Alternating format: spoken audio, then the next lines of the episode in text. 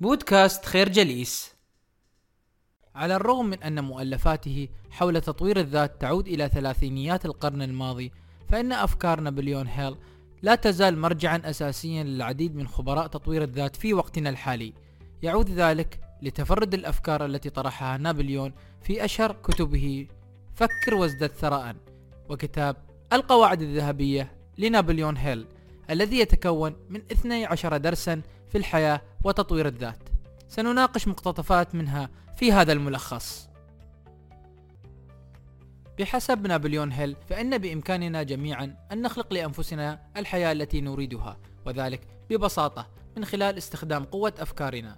تتمثل إحدى وسائل التفكير التي أكد عليها نابليون هيل في أسلوب التحفيز التلقائي الذي يتيح للفرد تحديد كيفية تطوره من خلال تغذية عقله بمجموعة من الأفكار والصور الملهمة. على سبيل المثال كان لدى نابليون هيل عادة منتظمة لتدريب عقله. على ذلك من خلال أن يتخيل نفسه في اجتماعات وهمية مع شخصيات تاريخية متميزة وملهمة مثل أبراهام لونكلن وسقراط وأرسطو. خلال هذه الاجتماعات الوهمية كان الكاتب يركز على خصائص معينة لدى هؤلاء الأشخاص. يأمل هو أن يكونها في نفسه مثل الحكمة وروح التعاون والشجاعة في اتخاذ القرار. من الدروس التي استفادها الكاتب من أسلوب التحفيز التلقائي كان قدرته على التغلب على خوفه من التحدث أمام الجمهور من خلال التركيز على صفحات الخطباء الناجحين عبر التاريخ إلى أن أصبح من أكثر المتحدثين شهرة في الولايات المتحدة آنذاك. وحصل على جائزة بعد الخطاب الذي ألقاه عام 1900 في مؤتمر عقد في مدينة بيتسبرغ الأمريكية. الفكرة يمكنك تغيير حياتك والوصول إلى النجاح المنشود من خلال تسخير قوة التفكير والتحفيز التلقائي. عندما يتعلق الأمر بابتكار الأفكار العظيمة يواجه الإنسان عقبتين أساسيتين. الأولى هي تطوير الفكرة والثانية هي إقناع الآخرين بقيمة هذه الفكرة وهي العقبة الأكبر في معظم الأحيان. لذلك فإن مهارة إقناع الآخرين من أهم وأصعب المهارات التي يكتسبها الإنسان.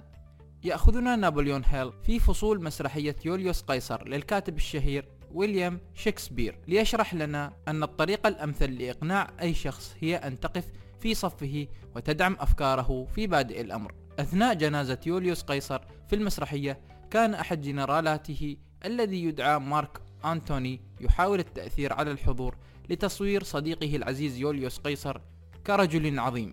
كان ذلك تحد كبير لمارك أنتوني. ذلك لأن أول شخص خاطب جمهور الجنازة لم يكن إلا بروتوس نفسه وهو الرجل الذي قتل قيصر.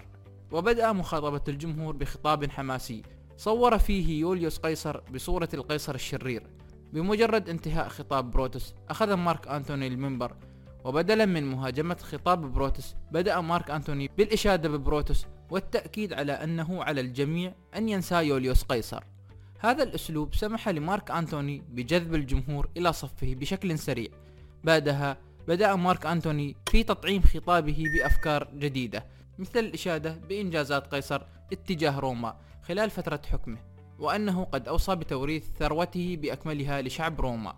وبذلك بدأ يتحول مدح مارك أنتوني لبروتوس من مدح حقيقي إلى مدح تهكمي حتى تمكن في النهاية من إقناع الناس بدناءة فعل بروتوس.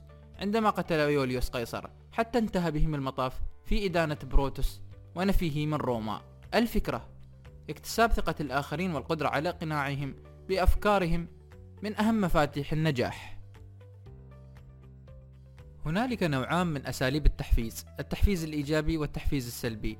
يأتي التحفيز الإيجابي من خلال التركيز على الصفات الحسنة والأعمال الجيدة الإيجابية وطرح النقد البناء. أما التحفيز السلبي فيتمثل في الانتقاد الجارح والإهانة أحيانا. إذا كنت ترغب في تحسين أداء عمل موظفيك فأنت بحاجة إلى استخدام أساليب تحفيز إيجابية وليست سلبية. يذكر نابليون هيل قصة مدير لم ينتقد موظفيه أبدا. بدلا من ذلك كان يجول المكاتب ويحيي كل عامل على حدة ويثني على عملهم الرائع. وللتأكيد على التحفيز الإيجابي كان دائما ما يقدم اقتراحا خفيا مفاده أنه يمكنهم القيام بالعمل أفضل إذا بذلوا مجهودا أكبر. في إحدى المرات تعين على هذا المدير التعامل مع موظف انخفضت إنتاجيته خلال فترة امتدت لأسابيع. أدرك المدير أن انتقاده لتراجع الإنتاجية لن يؤدي إلا إلى إحباط الموظف. لذلك بدلا من ذلك ذهب للتحدث مع الموظف وأخبره أنه معجب بكيفية تحسن وتيرة عمله وأنه يمثل مثالا ممتازا للموظفين الآخرين. نتيجة لذلك ارتفعت إنتاجية الموظف بنسبة 25% خلال اليوم نفسه. من جهة أخرى قد تؤدي قوة التحفيز الإيجابي إلى تحسين صحتك أحيانا. يذكر الكاتب قصة طبيب تمكن من إقناع المرضى بأن صحتهم آخذة في التحسن ونتيجة لذلك كان العديد من المرضى الذين يعانون من أمراض مثل الالتهاب الرئوي مقتنعين بكلماته الإيجابية وبدأوا في التعافي. الفكرة التحفيز الإيجابي من أهم وسائل تحسين الأداء في ميدان العمل وله آثار طيبة على الصحة الجسدية كذلك. ليس من الصدفة أن الطلاب الذين يرتادون أفضل المدارس يميلون إلى أن يصبحوا علماء وسياسيين وأطباء ناجحين. فللبيئة المحيطة أثر كبير في تكوين شخصية الفرد ومهاراته وطريقة تفكيره. كذلك سواء كنت تدرك ذلك أم لا فأنت دائما ما تتأثر ببنيتك ومحيطك نظرا لأن ما تتعرض له بشكل يومي يؤثر على أفكارك وأفكارك تلعب بالتالي دورا كبيرا في تحديد ما يحدث في حياتك. لذلك يجب عليك أن تختار بعناية البيئة المناسبة التي ستساعدك على تحقيق الأهداف التي حددتها لنفسك. إذا كنت تأمل في أن تكون مديرا تنفيذيا لشركة كبرى فمن المنطقي أن تعيش بالقرب من رجال أعمال الناجحين. أو على الأقل أن تقضي وقتا في الأماكن التي يرتادونها ويتواصلون فيها. أفضل بيئة يمكن أن تكون فيها هي تلك التي يحيط بها أشخاص يشاركونك أهدافك في الحياة الاجتماعية أو الحياة الوظيفية. وتجنب التواجد حول الأشخاص ذوي الأفكار السلبية والإنهزامية. عندما تحدد ما تريد تحقيقه قم بتصوير كل التفاصيل حول شكل البيئة الداعمة لذلك. وبمجرد وضع تلك الصورة في اعتبارك اخرج للعالم وابدأ في البحث عنها. الفكرة لكي تحقق أهدافك في الحياة املأ بيئتك المحيطة بمؤثرات إيجابية وأشخاص إيجابيين وابتعد عن كل ما هو سلبي.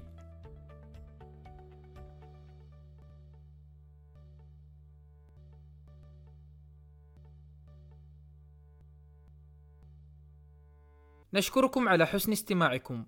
تابعونا على مواقع التواصل الاجتماعي لخير جليس. كما يسرنا الاستماع لآرائكم واقتراحاتكم ونسعد باشتراككم في البودكاست.